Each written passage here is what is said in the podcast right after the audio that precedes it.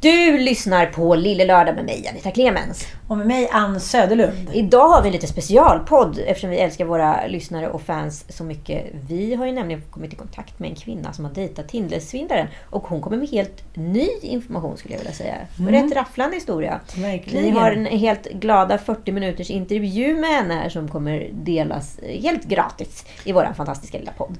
Ja, det kallar man lyssnarservice. Precis. Vi får bland annat veta hur han beter sig på restaurang. Ja, och att det, det kanske spännande. inte bara är han som är skyldig. Precis. Och mm. hade de någon sexuell relation? Det får ni snart veta. Nu åker vi.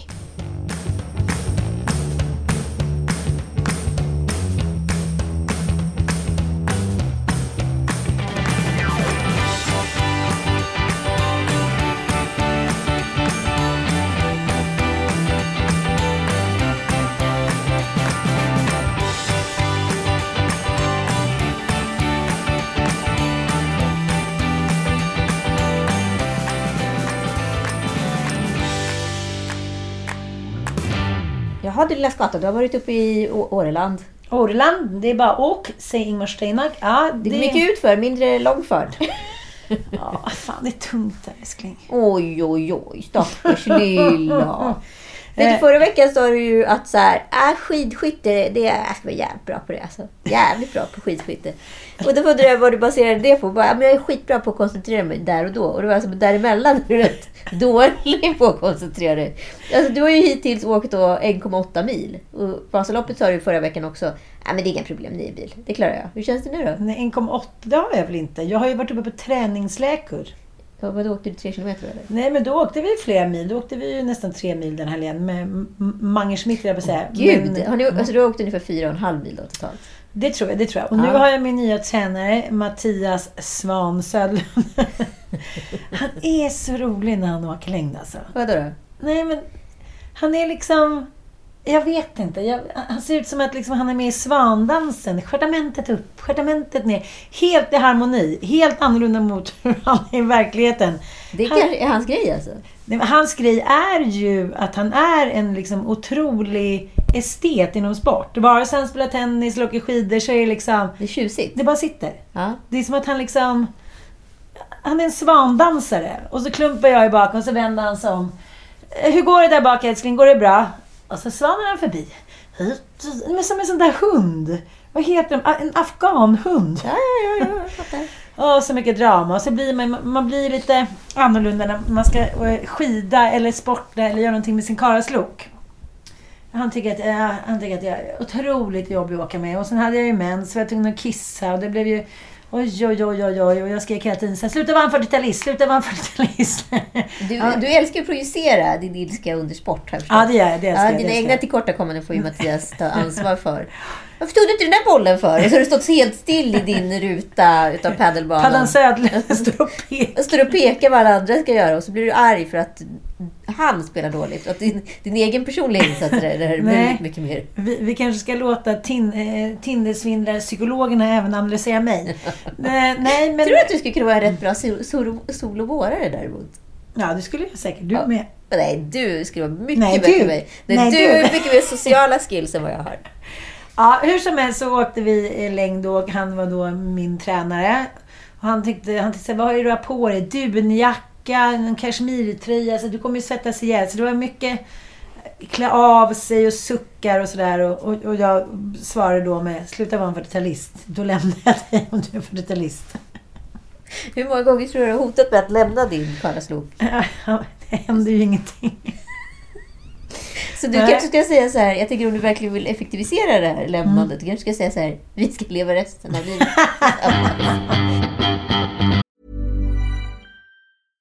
Hiring for your small business? If you're not looking for professionals on LinkedIn, you're looking in the wrong place. That's like looking for your car keys in a fish tank.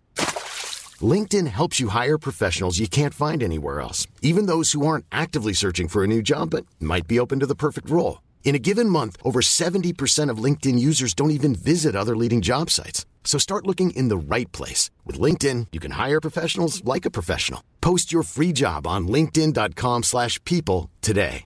There's never been a faster or easier way to start your weight loss journey than with PlushCare.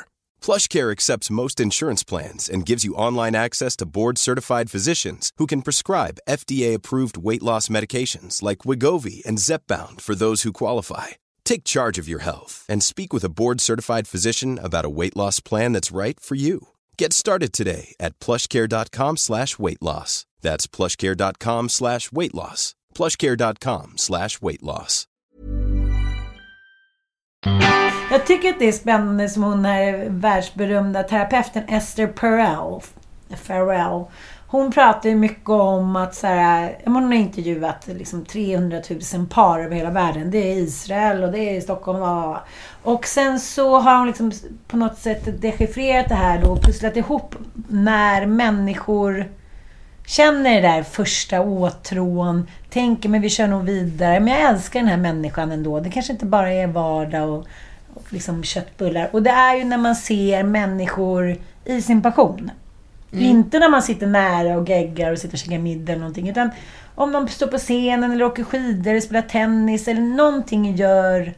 Den personen man älskade gör någonting som man själv kan begrunda att den personen älskar. Så han älskar då att få skäll av dig när ni sportar tillsammans? han älskar då att stå för mig som, en, som ett träd när jag ska kissa med mens. Nej, men, men att det är... Jag tycker att det är väldigt fint att man ser varandra i såna här miljöer. Man har skidkläder, man åker fint. Alltså att man ser människor lite på avstånd. Andra verkar också tycka alltså, att Den här teorin känns allt luddigare när den kommer till Ann Söderlund. Nej, men jag fattar. Så här, det, det, finns ju något fint. Män kan ju säga så här, åh vad fint, jag ser, jag ser min kvinna med våra barn. Hon ammar, hon leker med dem, hon bakar, hon är en god mor. Eh, det finns ju ingen liksom... Eh, det finns ju ingenting tvärtom. Förstår jag menar? Det är väldigt få män som tror att de attraherar kvinnor genom att sitta och typ byta bajsblöja på barnen.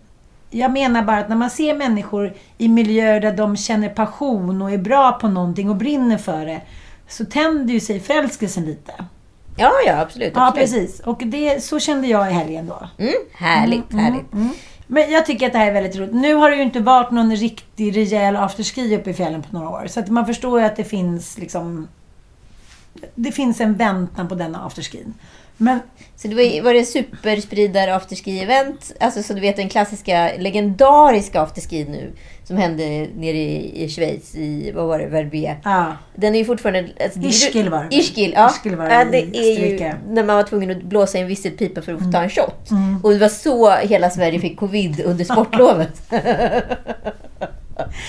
men, men eftersom regeringen har nu sagt att nu är, nu är vi inte längre farliga så var det ingen jävel som brydde sig. Nej. Alltså, eh, du såg ju på min story, det måste ju varit liksom tusen pers som står Och innan då, man råkar stå nära eller liksom slaska lite med någon, då blev det ju nästan lynchstämning. Men över en natt då, eh, så är detta helt okej. Okay. Ja. Nu är det ingen som smittar längre. Nej, men det är ju, jag vill säga att politik är bara så här psykologiska liksom, kapslar när vi är för eller emot någonting och så vidare. Alltså så här, hur fort det kan gå.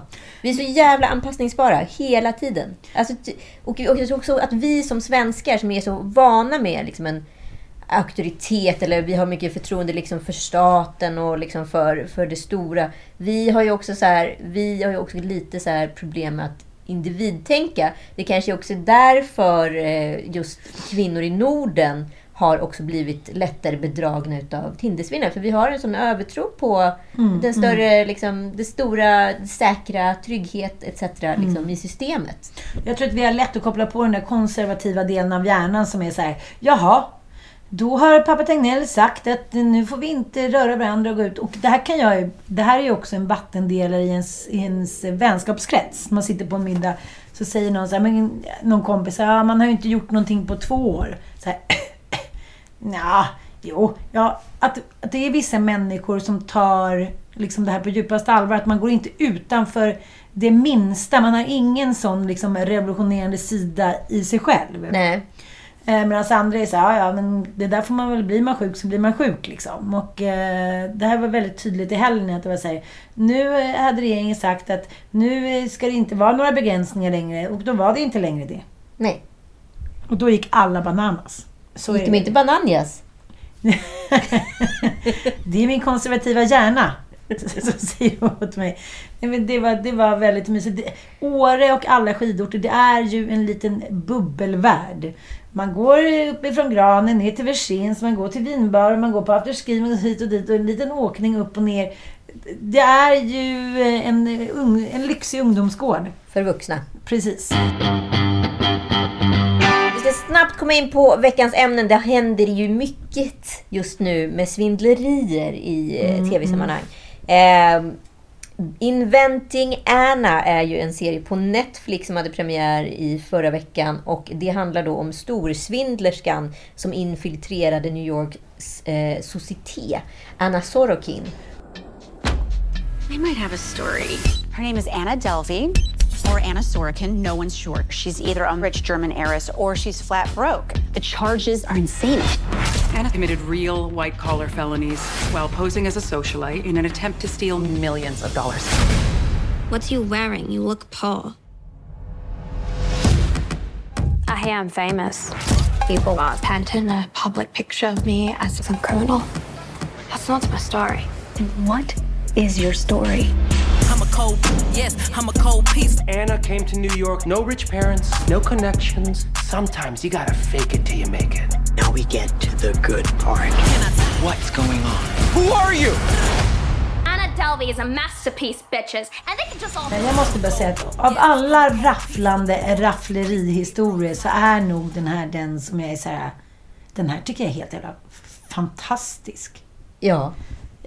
Jag liksom... eh, jag måste motvilligt erkänna att jag är väldigt imponerad av den här kvinnan. Under ganska många år så levde hon då enligt uttaget som den tyska arvtagerskans Anna Delvey.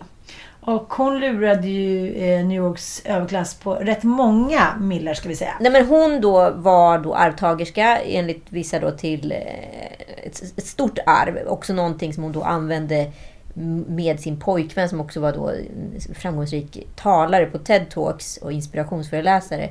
Så han bekostade deras livsstil i väntan på det stora arvet så att säga. Precis.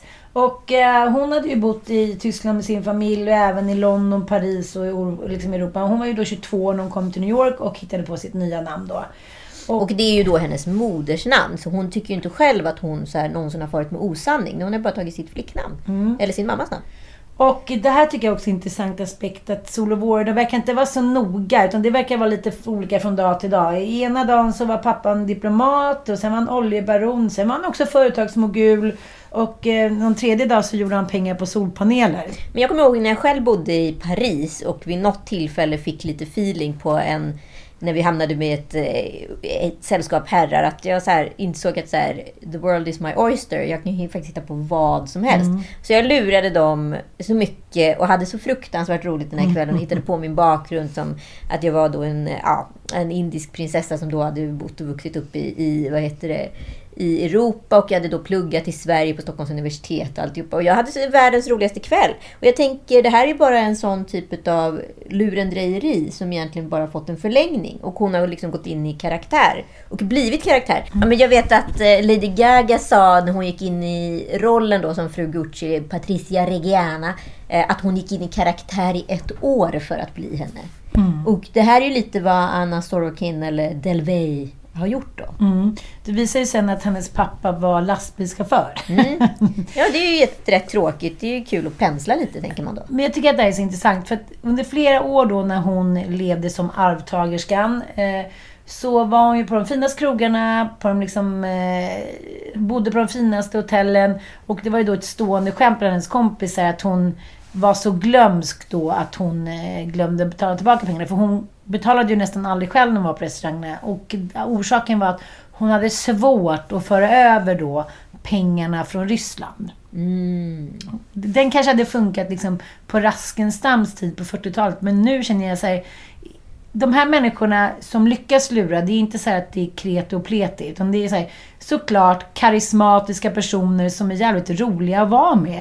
Och det vet man väl själv med vissa kompisar eller vissa människor man har träffat att ja, ja, I take the good with the bad. För att de här människorna är så otroligt underhållande och roliga att vara med. De är liksom gränslösa men ändå i karaktär. Förstår du vad jag menar? För totalt gränslösa människor som bara är totala arslen, de håller ju inte så länge. Men det här är ju charmanta, smarta människor som är jävligt duktiga på att dupera känslor.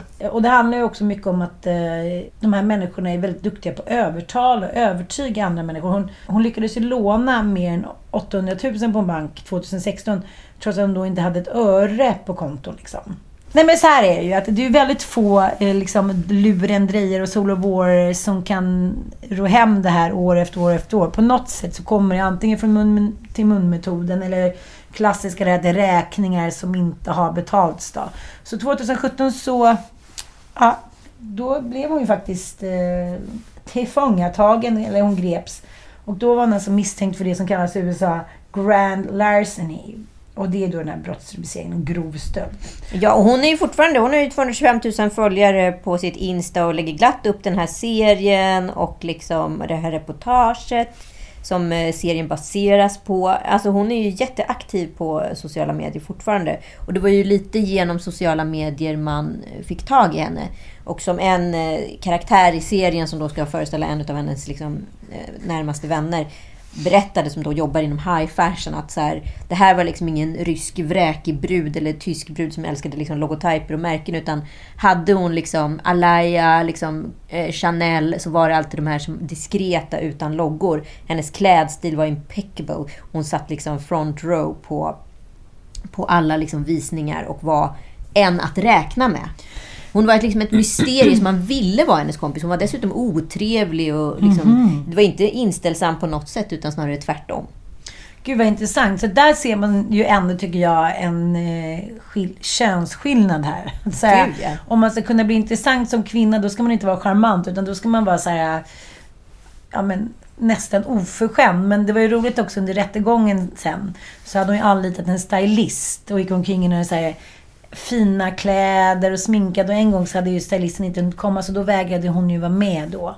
Under den dagen på rättegången. för Hon var liksom missnöjd med sin outfit. Men, men här ser man ju att Och hon det har är inte en- bara varit liksom genuin bedragerska utan så här, det är många hotell, och det pratas man då om i den här filmatiseringen, där hon faktiskt har betalat och liksom Mm. bott i sviter som har kostat liksom 17 000 natten. Mm. Eh, men också har betalat notan och också alltid lämnat dricks och sådär. Så att det, det finns ju pengar. People talked about you tipping wildly. Well, people are tipping people are Uber drivers, ridiculous. Yeah. tipping concierges $100 at a time. I mean, was that part of the allure that people saw a little bit of money and they thought you had a lot more? Well, if someone is impressed by a hundred dollar bill, I don't know what to tell them. Men, men det man ser då på Anna under rättegången att det är ju ingen bedragerska som ångrar sig och som liksom ligger i ångestkramper i cellen. Utan det här är ju ett roligt spel för henne. Hon är en klassisk supernarcissist. Blandad med någon form av psykopatisk inriktning tror jag. How do you feel about Anna Sorenkin today? I believe she's a sociopath. Det här är ju hennes greatest show. Ja, gud ja. Och liksom det som reporten lovar henne då, vilket jag också tycker är så jävla spännande när det kommer till rika kvinnor, eh, eller kvinnor generellt, det är att hon lovar då henne att kunna bli känd Mm. genom det här reportaget. För hon har ju tackat nej till det här reportaget Mm. från början.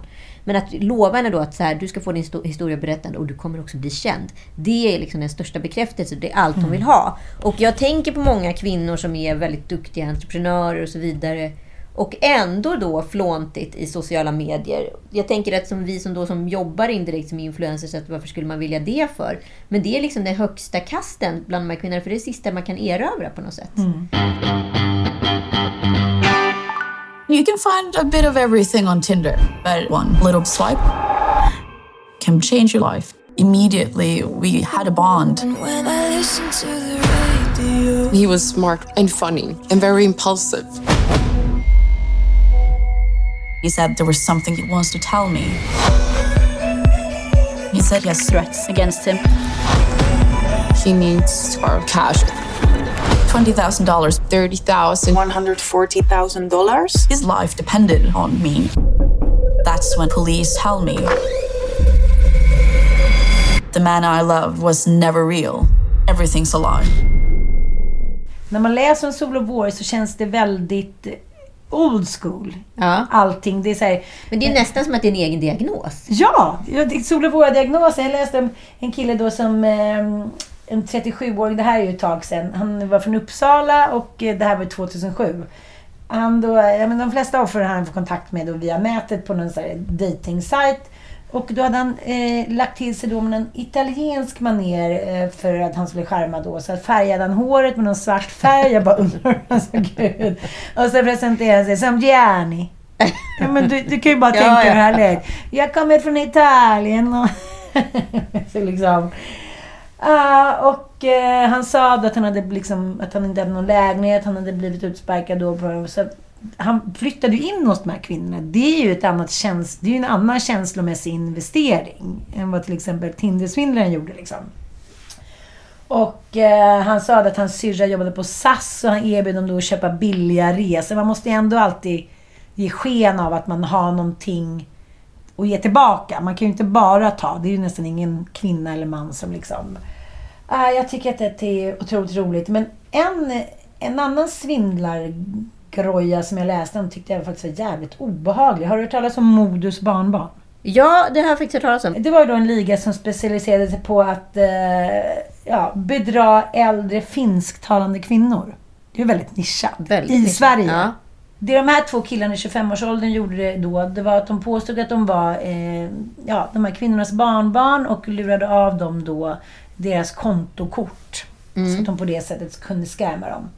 Och då kan man använda liksom någons pengar egentligen för att finansiera eh, sitt eget liv med. Och sen så är det någon som... För, alltså det blir som en kedjereaktion. Det är någon form av eh, pyramidspel i det här Ponzi-bedrägeriet. Och Mm. Ponzi-bedrägeri kan finnas i en massa segment. Dels just som de här killarna gjorde genom telefon eh, lurendrejeri utav pensionärer. Men det kan också vara det är ett högt eh, spel inom aktie och eh, affärshandel. Precis. Ett Ponzi-bedrägeri är ju att man då som investerare lovar att det här kommer bli en liksom galet hög avkastning. Precis, det var ju någon svensk som fick massa människor att investera i några fastigheter och sen så bara använde pengarna till sig själv. Precis, men, men eh, det, som, det som det handlar om är ju att man, man tar in massa pengar med hög avkastning för att hålla bedrägeriet igång. Eh, och det här var ju då... Det här är ju som ett vilket pyramidspel som helst. Att, och eh, det finns ju många, bland annat han eh, läkaren i Amsterdam som lurade sin släkt på pengar och levde på det i 20 år. Att man då lyckas med vissa eh, bedrägerier och som har jättehög avkastning, så får de tillbaka och sen så håller man liksom det här psykologiska tron igång på något sätt. Men det här är ju liksom inga... Det här är ju människor med särskilda skills. Det är ju inte liksom du och jag älskling. Men jag tänker att det måste ju finnas liksom en personlig vinning när man väljer då att göra det här. Alltså det är ju den här verklighetsflykten som man... Vad är det för personlighetstyp som så här vill eh, byta liv? Det måste ju vara någon som kommer från någonting och tycker att ens eget liv är för tråkigt. Ja, men jag tänker som i Tindersvindlaren, eh, Simon Levivs fall, som liksom kommer från också enkla omständigheter i, eller förhållanden i Tel Aviv eller Israel. Eh, att, så här, att man väljer då att så här, strukturerat utsätta tjejer för det här. Det måste finnas en personlig vinning i det. Annars skulle han ju lika gärna, han är ju en jätteduktig säljare, han skulle kunna gått in inom finance. Så här. Mm. Därför måste det finnas någonting i, inte bara livsstilen som är attraherande, utan det måste finnas någonting mot kvinnor eller för kvinnor. Alltså så här, Mm, va, mm, mm. Varför gör man det? För det är rätt komplicerat och det är, jag tänker känslomässigt ansträngande. Du måste ju vara superpsykopat för att här, stå ut att bli, hantera så många besvikna personers ilska. Och också leva så högriskigt. Ja, men, jag, jag tänker att det är ju... Ett, om vi tar Raskenstam då, som är Sveriges mest kända solovårare som eh, levde där 30, 40, 50-talet. Han var ju förlovad med 30 kvinnor samtidigt. Förr i tiden var det ju... An, man var ju, spelade ett annat spel. Det var ingen som kanske eh, gav pengar eller liknande om man inte kände säkerhet. Och han sa att vi ska gifta oss, men om du bara kan låna ut en liten peng så länge och sådär. Och, eh, men det som jag tycker är intressant är att den känslomässiga liksom, bedrägeriet tror jag är det som är jobbigast för de allra flesta. För att låna ut pengar, det är ju en sak.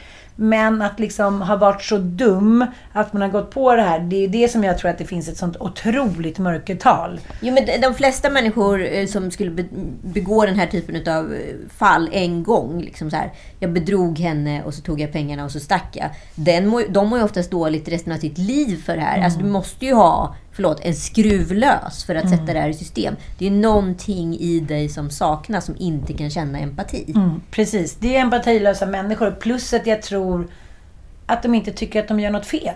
Nej, alltså de upplever ju att de gör människor en tjänst. Eller liksom att någon annan är skyldig någon. Mm, och mm. Det är ju inte deras fel att de här tjejerna har lånat ut pengar frivilligt, som han säger i dokumentären och så vidare. Nice. Yeah. What you're hearing are the sounds of people everywhere putting on Bombas socks, underwear, and t-shirts made from absurdly soft materials that feel like plush clouds. Yeah, that plush. And the best part? For every item you purchase, Bombas donates another to someone facing homelessness. Bombas. Big comfort for everyone. Go to bombas.com slash ACAST and use code ACAST for 20% off your first purchase. That's bombas.com slash ACAST. Code ACAST. Burrow is a furniture company known for timeless design and thoughtful construction and free shipping, and that extends to their outdoor collection. Their outdoor furniture is built to withstand the elements, featuring rust-proof stainless steel hardware, weather-ready teak, and quick-dry foam cushions. For Memorial Day, get 15% off your Burrow purchase at burrow.com slash ACAST and up to 25% off outdoor. That's up to 25% off outdoor furniture at burrow.com slash ACAST. Men nu tycker jag att vi inte håller på det här längre. Låt oss kasta oss in i vår mycket exklusiva intervju med en tjej som har dejtat den berömda Tindersvindlaren Simon Levy. Hej! Vad, vad spännande att få prata med dig. Vi pratade ju lite igår. Jag tänkte att du hade en hel del spännande information om Tindersvindlare som vi pratar om. Mm. Eh, kan inte du berätta hur det var när ni fick kontakt? Jo, precis som alla andra så matchade vi på Tinder. Jag vet inte vilken dag det var, jag tror att det var typ en lördag eller en fredag.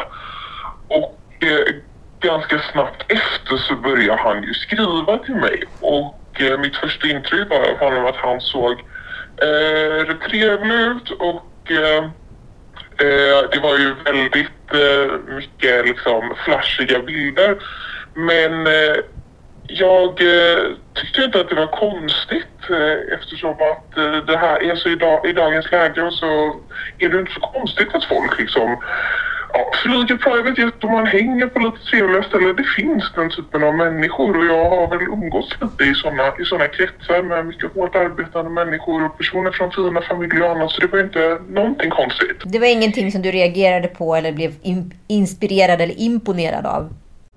Nej, det var... Eh, jag såg att vi har rest till mycket gemensamma destinationer, varit på samma restauranger och då kopplar man ju direkt att okej. Eh, och sen var han från Israel och jag har en del vänner från Israel.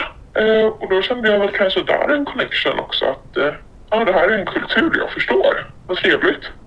Kan du beskriva för lyssnarna som inte har matchat med honom på Tinder vad det är för bilder han har lagt ut där? Det var någon bild när han satt i en privatjet och han var väldigt välklädd.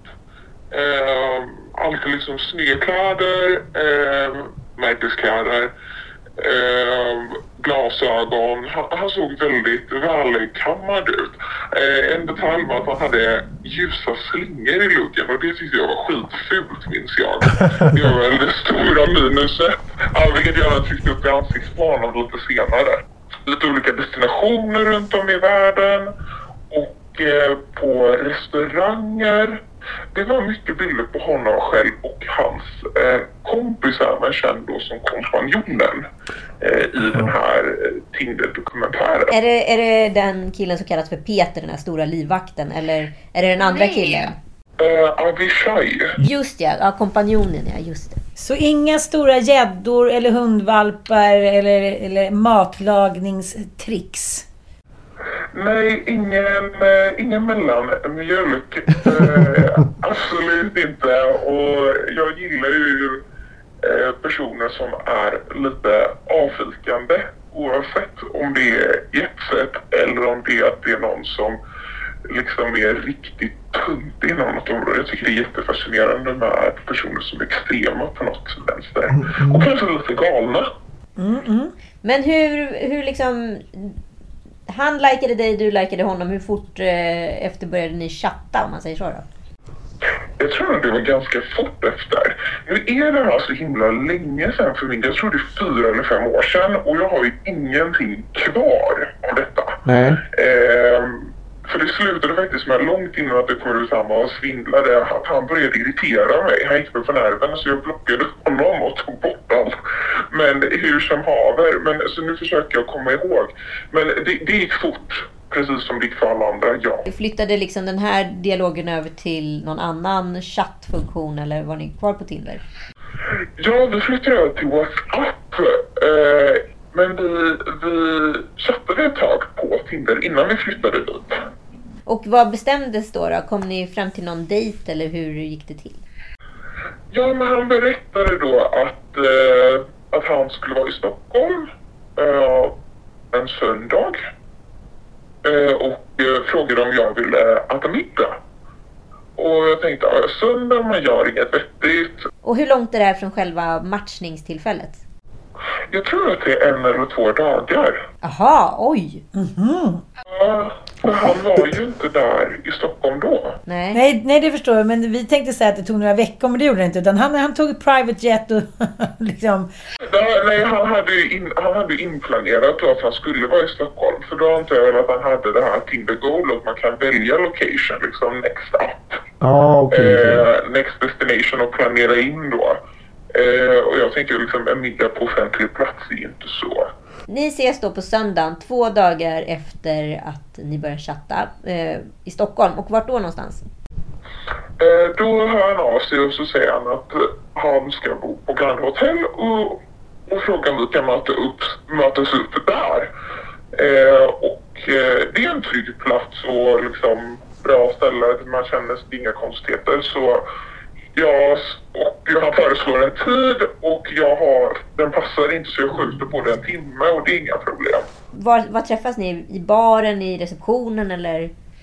Vi träffas i foajén och jag kommer dit eh, lite, jag, jag tror att jag kommer lite tid eller någon minut sent och han är inte där och då hör jag av mig och då kommer han ner eh, tillsammans med den här så kallade livvakten Peter. Han är rätt stor. Vad var ditt första intryck utav liksom, hans entourage? Eller vad ska jag säga? Ja, men först kommer han och sitter på den här mannen så bara... Men först säger man, gud han ser typ gängkriminell ut. Men ja, ja okej. Så jag, och sen kommer kompanjonen också så jag bara... Eh, vem är det här då? Nej men det här är min eh, livvakt och min kompanjon och... Jag bara, jaha. Eh, jag kommer ihåg att jag hade nära till skratt då. Eh, och... Eh, jag bara, vadå ska han med? Ja fast alltså i Stockholm har man inte det. Jo men han kommer aldrig låta mig gå själv.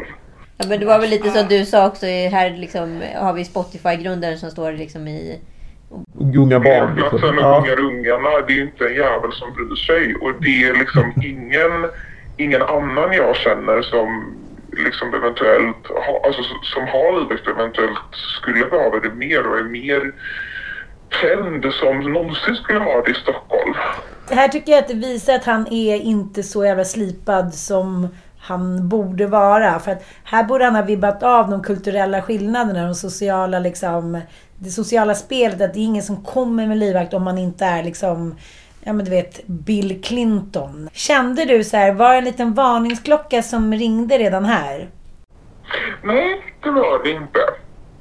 Det var det inte. Jag tyckte mest att det var... Alltså det är ju så himla tidigt att säga. Liksom. Du har träffat personen i några sekunder och ni har sagt på Tinder. Så nej, det tyckte jag inte. Jag sa ja, ja, det... Det är vad det är liksom. Alla är det olika. jag vet ju inte liksom hur... Varför han är stor i Stockholm. Jag vet inte vad hans bakgrund är. Jag vet inte vad hans historia är eller och så vidare. Sen så finns det ju folk, man ska inte glömma det. Det finns ju faktiskt folk som liksom har livvakter för att deras eh, familj eller företag protsar på dem det. Men i Stockholm aldrig upplevt.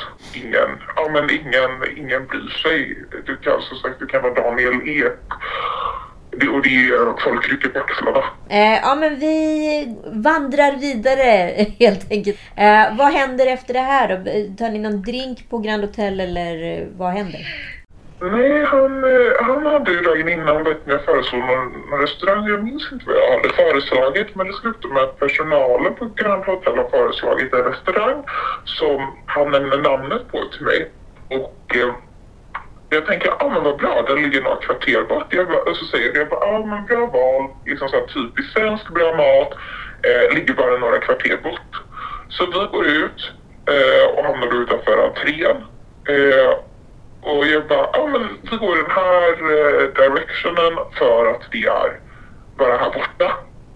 Ah, nej, vi ska åka bil. Och då rullade in en Rolls Royce som jag, han den här livvakten Peter sätter oss i. Och hans kompanjon sätter sig i en annan bil. Men... Så då rullar vi typ två, tre minuter eh, till den här restaurangen. Okej. Här ser man tydligt narcissistiska drag tycker jag. Eh, redan här. Att så här, han vill framstå som någonting eh, som han inte har minsta täckning för. Ja, nu i efterhand kan man tycka så. Absolut. Men jag kan tänka mig att det är jäkligt så svårt att ens greppa när man är på en första dejt med någon oavsett vem det är. Så är man ju kanske också så här... Man tar ju del av dens universum på något sätt. Ja. Och så här, vart tar det här mig vidare? Så man är rätt öppen i sinnet mot vad man kanske brukar vara i annat fall. Ja, men alltså framför allt liksom, vi är ju alla människor. Jag vet ju att många av mina vänner tycker att jag är märklig på vissa saker, precis som jag tycker att andra är märkliga på vissa saker. Och sen precis som jag pratade om, man tittar på liksom jetsätten i världen, de har ju mycket märkliga, märkliga saker för sig. Liksom. Jag har en kompis som en gång tog en, eh, en väldigt, väldigt, väldigt nära vän eh, som en gång tog en helikopter i Dubai från sitt hotell till beachklubben för att han var sen för att hinna i tid. Sen ska jag tillägga att den här kompisen är också otroligt rolig. Han sålde sin Ferrari för att han tyckte att den drog till sig för mycket uppmärksamhet. Okej. Och, så, så ni förstår liksom att man kan inte alltid höja på ögonbrynen. Vissa saker är fullständigt orimliga för oss men jätterimliga för andra personer. Men okej, ni åker till den här restaurangen i alla fall och äter där. Men vad händer då? Sitter de där kompanjonerna med vid bordet eller? Nej, vi kommer dit och blir jättevälkomnade av personalen. Eh, de visste inte vem han var, men de betedde sig som att de visste att han var för att de tilltalade inte honom vid namn. Eh, och då får vi instruktioner av den här livvakten att inte få sitta vid bordet vid med ett fönster. Och så sitter vi på ett bord och så sitter kompanjonen livvakten på ett annat bord. Um, och uh, vi sitter och vi snackar och uh, jag skrattade ganska mycket för det var roligt för att han förstod ju, eh, vi hade mycket gemensam humor. Eh, så det är jättetrevligt. Och eh, då kom även på tal att vi har gemensamma vänner, eller mina vänner, han, vad ska man säga, han eh, ja, känner, han känner dem och de känner honom för att han eh, liksom stöttar deras business kan man väl säga. Ja, ah, okej. Och då fanns det ju ingen anledning för oro för dig antar jag eftersom ni... Nej, för då tänkte jag att okej, om det här leder till någonting mer, då kan jag bara lyfta på luren och ifrågasätta eh, frågan lite. Men jag kände att nej, men jag ska inte göra det än för att det här är bara liksom början. Skulle det bli någonting så skulle jag göra en background check på honom. För man orkar ju inte ha liksom en jäkla massa kompisar inblandade som ska fråga hur går det och ha hundra frågor och så vidare. Så då kändes det ju ännu tryggare. Eh, men som sagt, det är första dejten. Sådana saker brukar jag ta upp i ett senare skede. Sen efter det kommer in en kille som är svensk på restaurangen och eh, han ansluter till eh, hans partner och eh, livvakt. Okej. Mm, och kommer och hälsar på oss vid vårt bord också och så kommer partnern och den här svenska killen och slår sig ner ett par minuter och dricker en kopp kaffe med oss. Och då berättar den här svenska killen att eh, han bor i Sverige och har bott här i ett par år. Han pratar jättebra svenska. Eh, och berättar att han har flyttat hit för jobb och typ eh, med hela sin familj. Nu minns jag tyvärr inte vad han hette men jag kan än idag komma ihåg vad han hade på sig och hur han såg ut. Ja. Han var kopplad till hans organisation på något sätt eller? Ja, det var på något sätt, eh, eller han sa att det var affärspartner eller ingick i hans team. Tror jag, att det var. Jag minns inte exakt men jag, jag gjorde den kopplingen. Jag fattar. Och vad hände sen då efter det här? Var ni kvar på restaurangen eller? Eh, sen undrar han om jag vill ta en drink eh, och jag säger att jag kan ta en till drink men gärna på en annan plats för den här restaurangen är lite så tråkig och gubbig. Ja. Eh, och det är inga konstigheter. Så jag föreslår ett annat ställe och vi sticker dit. Jag tar en drink. Jag, han och eh, livvakten. Eh, och vi sitter i varsin fåtölj och snackar och livvakten sitter i en fåtölj en bort vid ett annat bord. Blir inte det superkonstigt? Jo, jo, absolut. Men man respekterar ju det liksom. Och eh, jag förklarar liksom att vi är väldigt nära Grand Hotel och det var några långt bort igen. Um, varpå han bara, men kan jag skicka hem honom? Jag bara, men det kan du göra. Du kommer inte bli överfallen på vägen.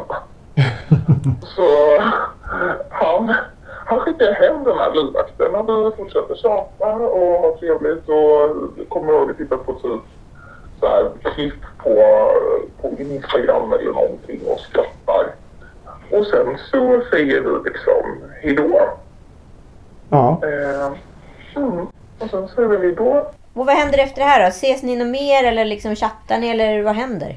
Ja, han börjar ju höra av sig till mig och bara typ, ja nu ska vi dit, vill du komma dit, vill du komma hit, vill du följa med här, vill du följa med där?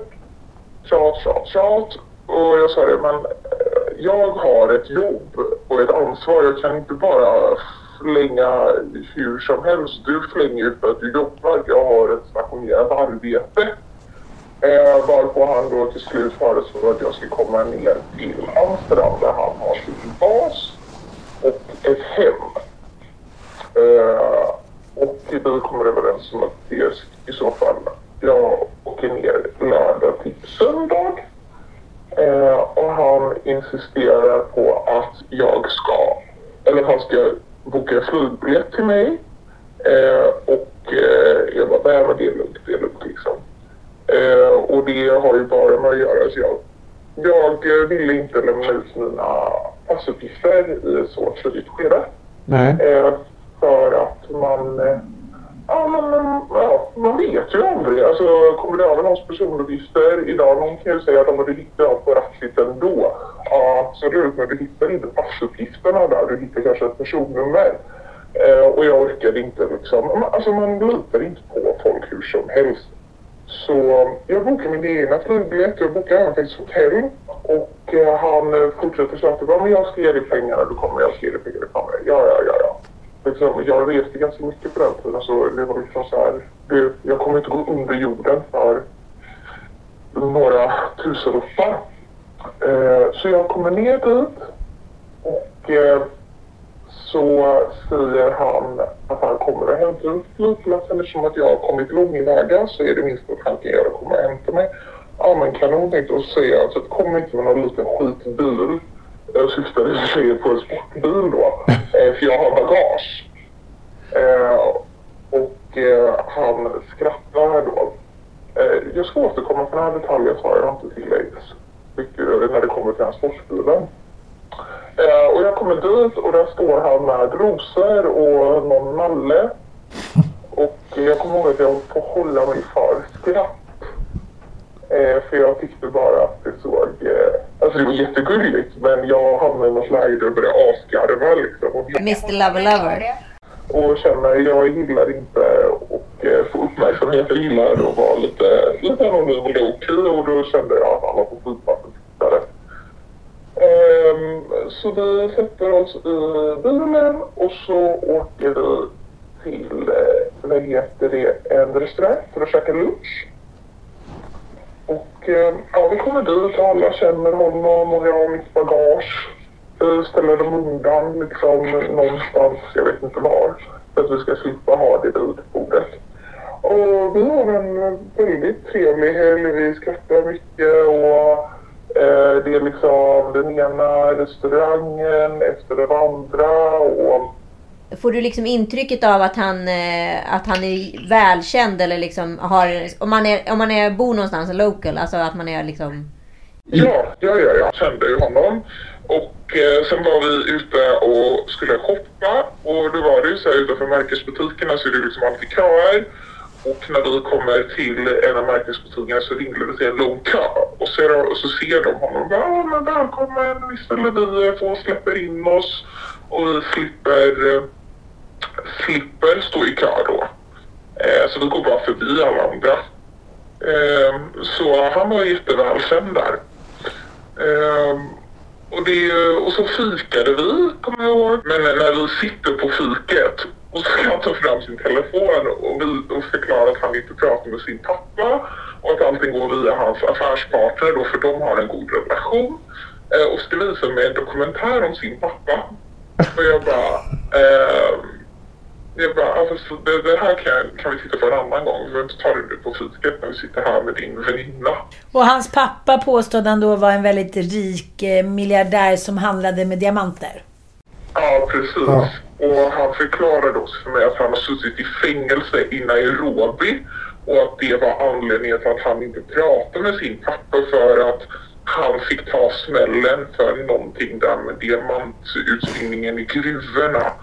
Eh, och det var därför då han fick brösta det här fängelsestraffet och det, det är därför han är sur på sin pappa. Och det var ju då förmodligen tiden han satt i fängelse i Finland. Ah, ja. Det där med geografi, det är inte så noga. Nej, precis. Afrika eller norra Europa, skitsamma. Och eh, då kom det en tjej som var holländska eh, och presenterade sig. Eh, och han förklarade att det var hans bästa tjejkompis och att hon var designer och jobbade för tillfället för Tommy Hilfiger och att de skulle starta ett glasögonmärke ihop. Eh, ja, ja, och hon var jättetrevlig och vi tjatade liksom. Och sen så körde faktiskt hon hem oss i sin Mini Cooper eh, hem till honom. Och eh, då skulle vi käka middag hemma hos honom för att eh, den här affärspartnern skulle komma från Israel. Eh, livvakten hade ju fått ledigt för att han sa att han kände sig så trygg i Amsterdam för att alla kände honom där och, och så vidare. Eh, och affärspartnern ringer i ren panik och det skriks åt höger och åt vänster.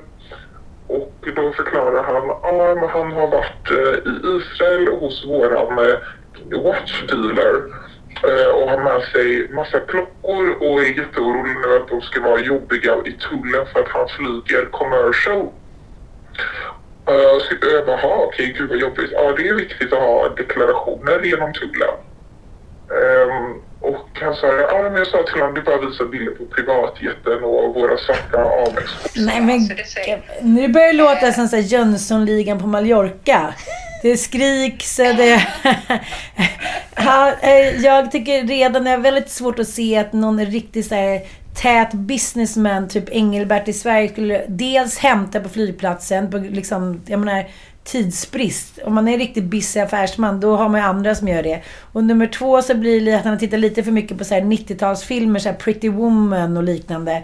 Kommer med Nalle Björnsens också. Ja, det, det, liksom, det krackelerar ju ganska snabbt här tycker jag, att han är inte riktigt den han utger sig för att vara. Men när man är mitt uppe i det så resonerar man nog inte så. Nej, den, den analysen kommer ofta efteråt. Ja. Eh, men det kommer bli värre. Det blir värre. eh, det blir värre. Eh, affärspartnern kommer till slut med en väska med en jävla massa förpackningar och klockor. Och jag har en bild på det faktiskt. Och det är ett drös med klockor. Vi sitter och väntar på honom och sen så var det typ inte mycket mer med det. Och nu kommer jag skratta för att jag vet inte, jag funderade på om han var gay eller något så han gjorde inte så mycket moves. Är det så? Eh, för sen så åkte jag tillbaks till mitt hotell. Eh, och sen så åkte jag hem. Och då bokade han en Uber Black till mig och jag flög hem. Eh, en annan konversation som dök upp under den här helgen det var att han berättade liksom att de skulle åka till, nu kan inte jag säga det här stället, men det finns en liten skatteparadisö utanför Venezuela. Okej, menar du Caracas? Ja, precis. Mm. Eh, och eh, Cayman- Caymanöarna då. Och eh, då förklarade han att de skulle dit och jag vet att han skickade sina locations och eh, ofta att de var där ofta då. Eh, så jag bara, åh men gud, han bara, har du aldrig varit där? Nej, sa jag då. Det är ju ganska kassa flygningar från Sverige dit liksom. Eh, så nej, det har jag inte varit. Han bara, nej men du vet det är viktigt att skatteplanera. Eh, my enemies måste gömma pengar typ. Jag bara, ja.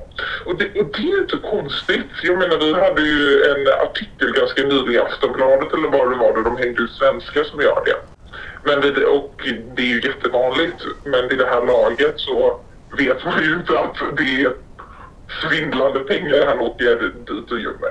Och, och jag kan inte säga att jag vet att, att det där, de här pengarna, alla de här pengarna ligger där så att han än idag kan leva loppan. Det vet jag inte. Men det är ju min teori. För låser du in pengar där så är det ganska mäktigt att få ut dem. Framförallt när du ska föra över dem till ett konto som inte är ditt. Men fördelen med att stoppa in pengar på sådana ställen är att de inte har avtal med någon annan. Så det här är ju min egna liksom, teori om att det är anledningen till att han fortfarande kan leva ganska gott. Din liksom upplevelse, för ni, ni sågs inget mer efter det här som jag har förstått det. Nej, det gjorde vi inte. Jag, eh, han ville alltid att jag skulle komma till höger och till vänster och jag kände att nej, det, nej, det vill inte jag. Vill du se så är du hjärtligt välkommen till Stockholm på min liksom trygga plats. Och jag hade jobb och allting. Och sen så började jag faktiskt gå på nerverna igen och skicka locations och bilder hela tiden. Så jag bara var så här, typ är du intresserad så kan du step it up. Eh, så jag blockade faktiskt honom till slut. För det gå mig på nerverna.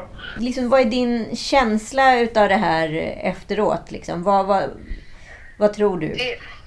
Min, alltså, till att börja med, jag tror ju att han har ju gömt de här pengarna. Det är väl ett. Min känsla efteråt är ju att eh, man är ju ledsen för man inser att det är någon annan som har betalat för mitt levande. Eh, och jag är jätteglad att när han försökte trycka pengarna i näven på mig för flygbiljett och hotell att jag aldrig tog dem. Eh, och det är väldigt, väldigt sorgligt. Jag är ju en sån människa som skrattar åt saker och ting i livet och tänker att när jag är 80 år och när jag har fått frågan hur jag tänker kring det, jag säger att när jag är 80 år gammal så kommer jag bara skratta åt att jag var så knäpp vid det här laget och att jag var liksom så wild och tog de här riskerna. Eh, och jag skrattar hysteriskt mycket åt alla skämt som cirkulerar på nätet.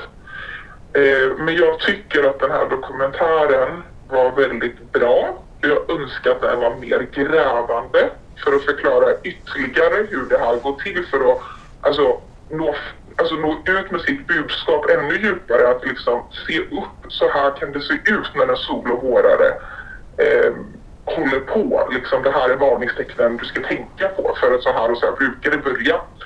Eh, jag tycker att den är jättebra att den kom ut. Eh, och vad ska man säga, alltså den här incidenten har ju inte på något sätt tyngt mig i livet.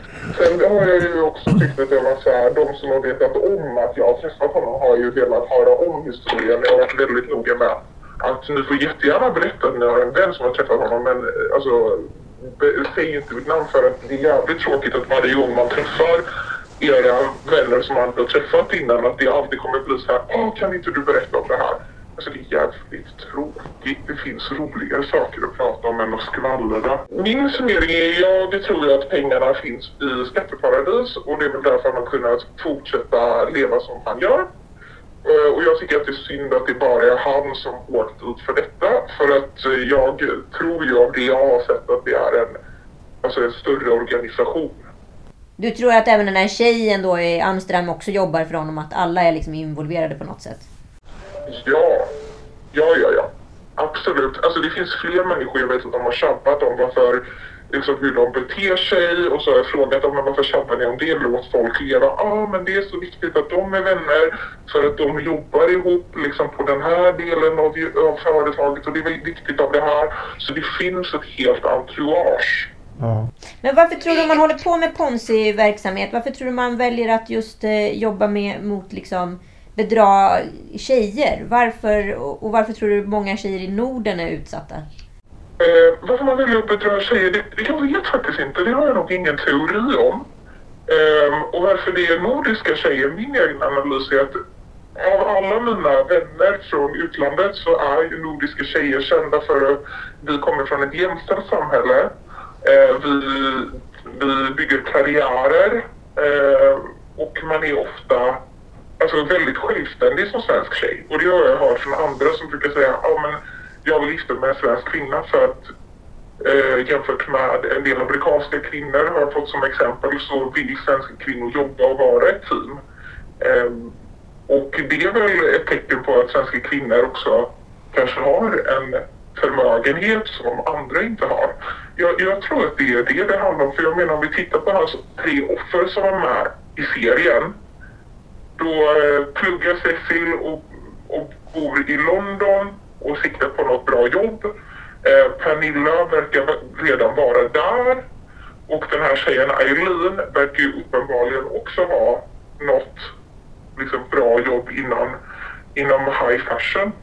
Ja, precis. Mm. Han minimerar liksom sin ansträngning genom att gå direkt på kvinnor som han ser att han skulle kunna lura pengar av. Och där finns det liksom också pengar då för de har jobbat ihop någon form av egen förmögenhet. Ja, det är ingen trophy wife han uh, hör av sig till. Det är ju eventuellt den här ryskan som var hans flickvän då som kanske var det avvikande. Men även hans nya tjej, uh, den här modellen, Ja. uh, hon, uh, jag, hon verkar inte tro på någonting om detta och jag tänker att hon har ju en ganska bra förmögenhet baserat på uh, de jobb hon har gjort. Så Ja. jag undrar ju såklart, vad får han ut av att vara med henne? Ja, det är lite svårt för honom nu att fortsätta sin eh, solovårar eh, liksom karriär när han eh, syns på eh, liksom, TV över hela världen. Så att, eh, nu måste han väl ändra någon annan... Nu måste han ju städa sitt, liksom, sitt rykte och sitt namn. Men det jag undrar är... Ett, eh, gav du honom några pengar? Och två, hade ni någon form av sexuell relation och attraktion? Jag gav honom inte några pengar. Jag fick inte ens frågan om några pengar. Eh, och eh, många har ju frågat mig varför. Jag har en hel del teorier. Vissa kan jag inte säga för att det skulle rubba vem jag är. Eh, men ja, eh, ja, jag vet inte. Men tror du han läste av dig ganska fort då? Att så här, det var ingen idé att liksom fiska där för att han, han kan din typ eller? Jag vet inte för han fortsatte ju höra av sig till mig. Ja. Så det kan ju vara så att han fortfarande hade ett hopp som levde inom honom. Men, men eftersom att jag har jobbat inom finansbranschen och jag lämnar inte ut mitt pass och så vidare så kan jag ju nu tänka mig det är lättare sagt än gjort. Att jag inte skulle någonsin gå på det. Jag, jag har aldrig lånat ut pengar. Jag bjuder jättegärna på en middag om någon har det knapert. Men jag skulle aldrig ge pengar i näven till någon. Det, och det vet jag baserat på mina vänskapsrelationer. De som haft det knapert har bjudit på mat. Ehm, ing, alltså, ingen aning. Och hade ni någon sexuell relation då överhuvudtaget?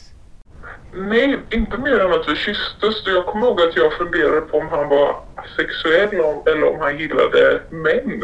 Jag tyckte det var lite konstigt. Det- På grund av kyssens hetta eller?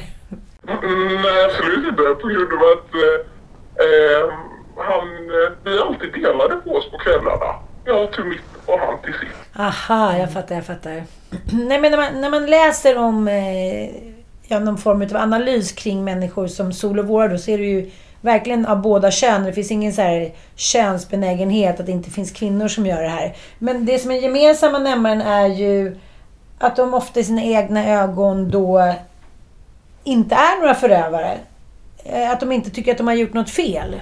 Kände du att han hade någon empati och eh, förstod vad han höll på med? Eller hur, hur vill du beskriva honom rent psykologiskt? Eh, nej, det gjorde han inte. Dels baserat på hur han har betett sig, det som har visat sig i Tinder-dokumentärerna. Eh, men också en reflektion kring hur han kunde vara när han på restaurang beställde mat. Eh, att om han fick eh, någon ingrediens han inte ville ha i sin mat. Oh, I don't want this shit, I need to order something new. Och så kunde de komma och bara uh, I don't want cream, uh, vad är det här, det är katastrof, hur kan ni ha? Alltså kunde liksom bara gapa på den här stackars servitören eller servitrisen. Och det är jävligt osexigt. Eh, så nej, alltså vid det tillfället så visste jag ju inte så det är lite svårt men jag tycker det säger ganska mycket om en person hur man behandlar restaurangpersonal. Att det var nästan deras fel som inte kunde ha läst hans tankar att han inte ville ha den här ingrediensen i sin soppa typ. Alltså jätteweird. Så jag tror inte det. Nej, jag tror inte. Han tycker ju, han har ju sagt det själv i dokumentären, han tycker inte att det är konstigt. De lånade ut pengar självmant. Tack snälla för att du var med och eh, berättade din historia om den här otroliga Tindersvindlaren. Ja, tack själva hörni. Jag hoppas att eh, fler liksom har ögonen öppna nu. Ja, Jätte, jättebra. Jag tror du gör skillnad. Tack snälla, ha det så bra. Tack, ha det gott. Hej! Ja, mycket spännande att höra hennes analys och upplevelse utav honom. Ehm, ja. Men eh, jag har en kompis eh, som bor utanför stan och hans granne har ju blivit solovårad av en kvinna som kom från ett annat land och har fått hjälp då från hela släkten liksom. Hon har lurat av honom på alla, alla pengar han har. Mm. Så nu, han är så gammal pensionär, har varit ensam och nu måste han sälja sitt hus då. Mm. Och eh, oftast handlar det om liksom, de här människorna utnyttjar ju också människor, inte just tycker jag i det här fallet, men ofta handlar det om att man ger lite kärlek och uppmärksamhet till människor som är ensamma. Mm.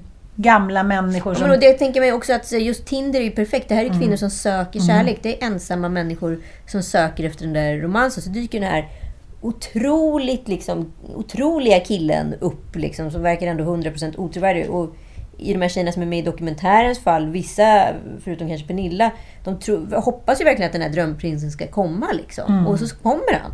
Det är klart att man vill tro på romantik. Man vill ju inte vara en vardagstrist liksom, flingor och mjölkkille. Liksom. One the shows that got me through isolation, The Tinder Swindler, which is currently top of the Netflix charts. It's incredible. Tells the shocking story of a serial catfisher who conned countless women out of an eye-watering amount of cash. Your first impressions of him, what he was like, he called himself Simon at that point. Yeah. Uh, so when I saw the pictures on Tinder, it was this guy that you could see have had a certain lifestyle, traveling around, you know, and he had the look I like. You know, I have a type. Yeah. so he was my type, and that's what you do when you're on Tinder, and then you and then you swipe right, and then we started talking. So. And so a double heartbreak here because financially you were in ruin, but also this is the man you loved.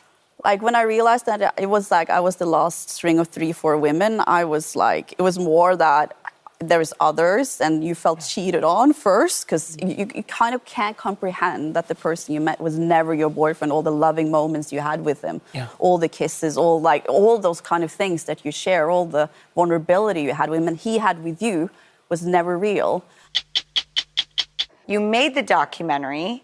Now that it's this runaway success, why do you think that this guy is able to take advantage of people the way he does?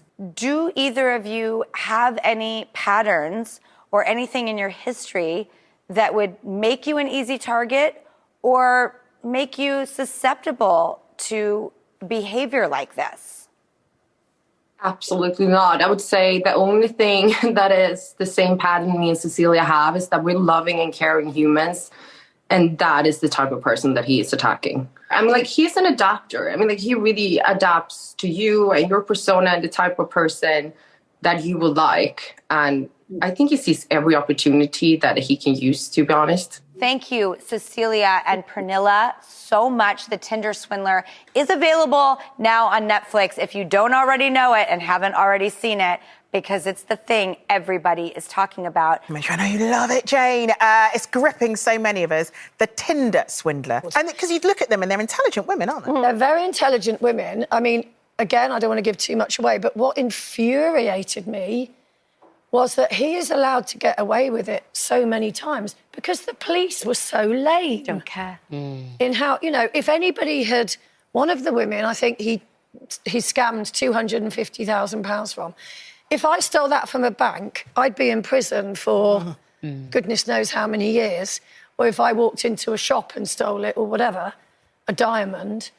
But they don't seem to take it seriously. It's that thing of oh, well, they're just silly women. Mm. They're silly women who've been defrauded. They should have known better. Det blir också ganska tydligt tycker jag att så här, de kvinnor som han attraherat är ju kvinnor med eget cashflow, som är smarta och som man tänker så här, inte alls borde vara offer för den gamla typiska Solo Warren som är så här, fiskardottern från Sigtuna, hon behöver lite kärlek. Utan Nej, nej, det här nej. är liksom en helt annan scam som också är så jävla effektiv för den som scammar. Ja. Snabbt, snabbt, den verkar bra. Nej, hon verkar inte så liksom. Så att det här är ju psykologiskt smarta människor som, som vibbar av direkt. Nej, den där funkar inte. Bort med den.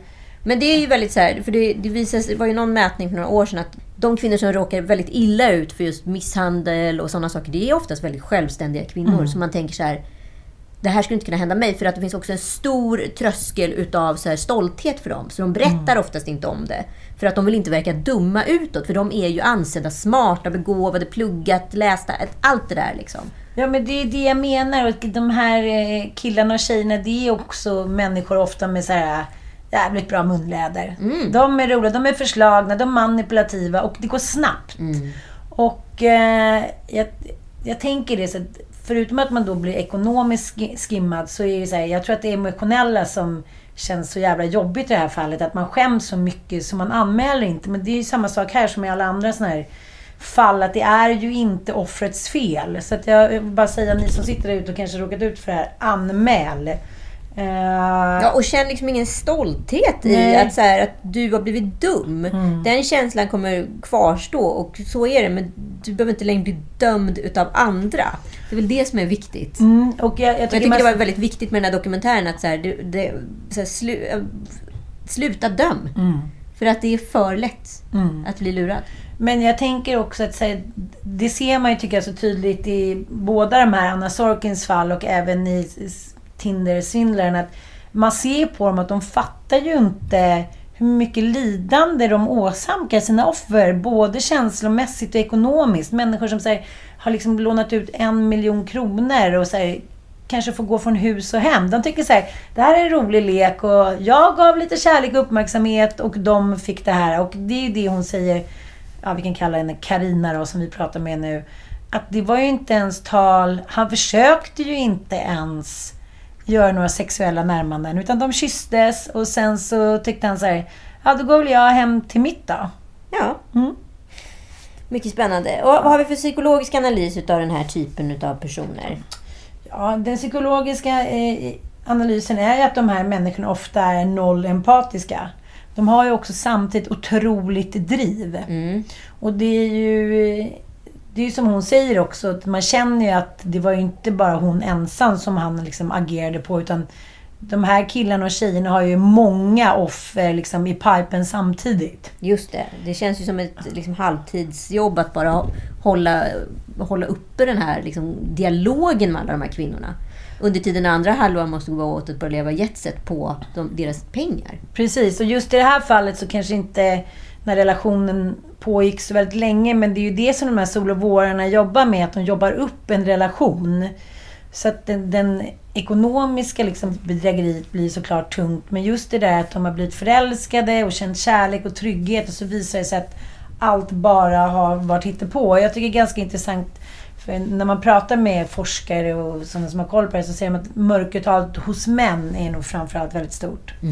Den törnen som manligheten får när man så här, har blivit lurad av en brud.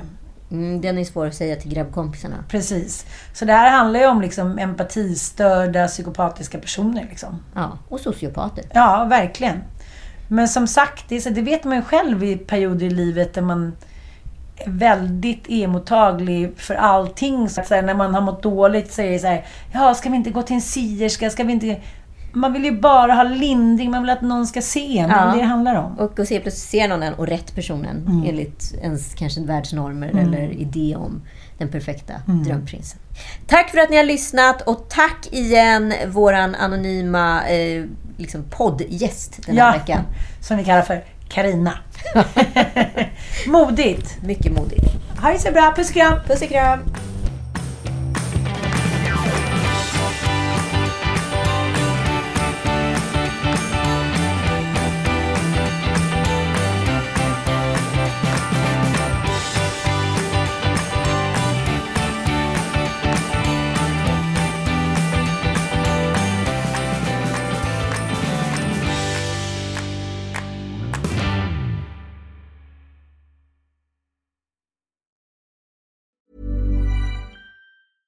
A lot can happen in the next three years. Like a chatbot may be your new best friend. But what won't change? Needing health insurance. United Healthcare Tri Term Medical Plans are available for these changing times. Underwritten by Golden Rule Insurance Company, they offer budget friendly, flexible coverage for people who are in between jobs or missed open enrollment. The plans last nearly three years in some states, with access to a nationwide network of doctors and hospitals. So, for whatever tomorrow brings, United Healthcare Tri Term Medical Plans may be for you. Learn more at uh1.com. Planning for your next trip?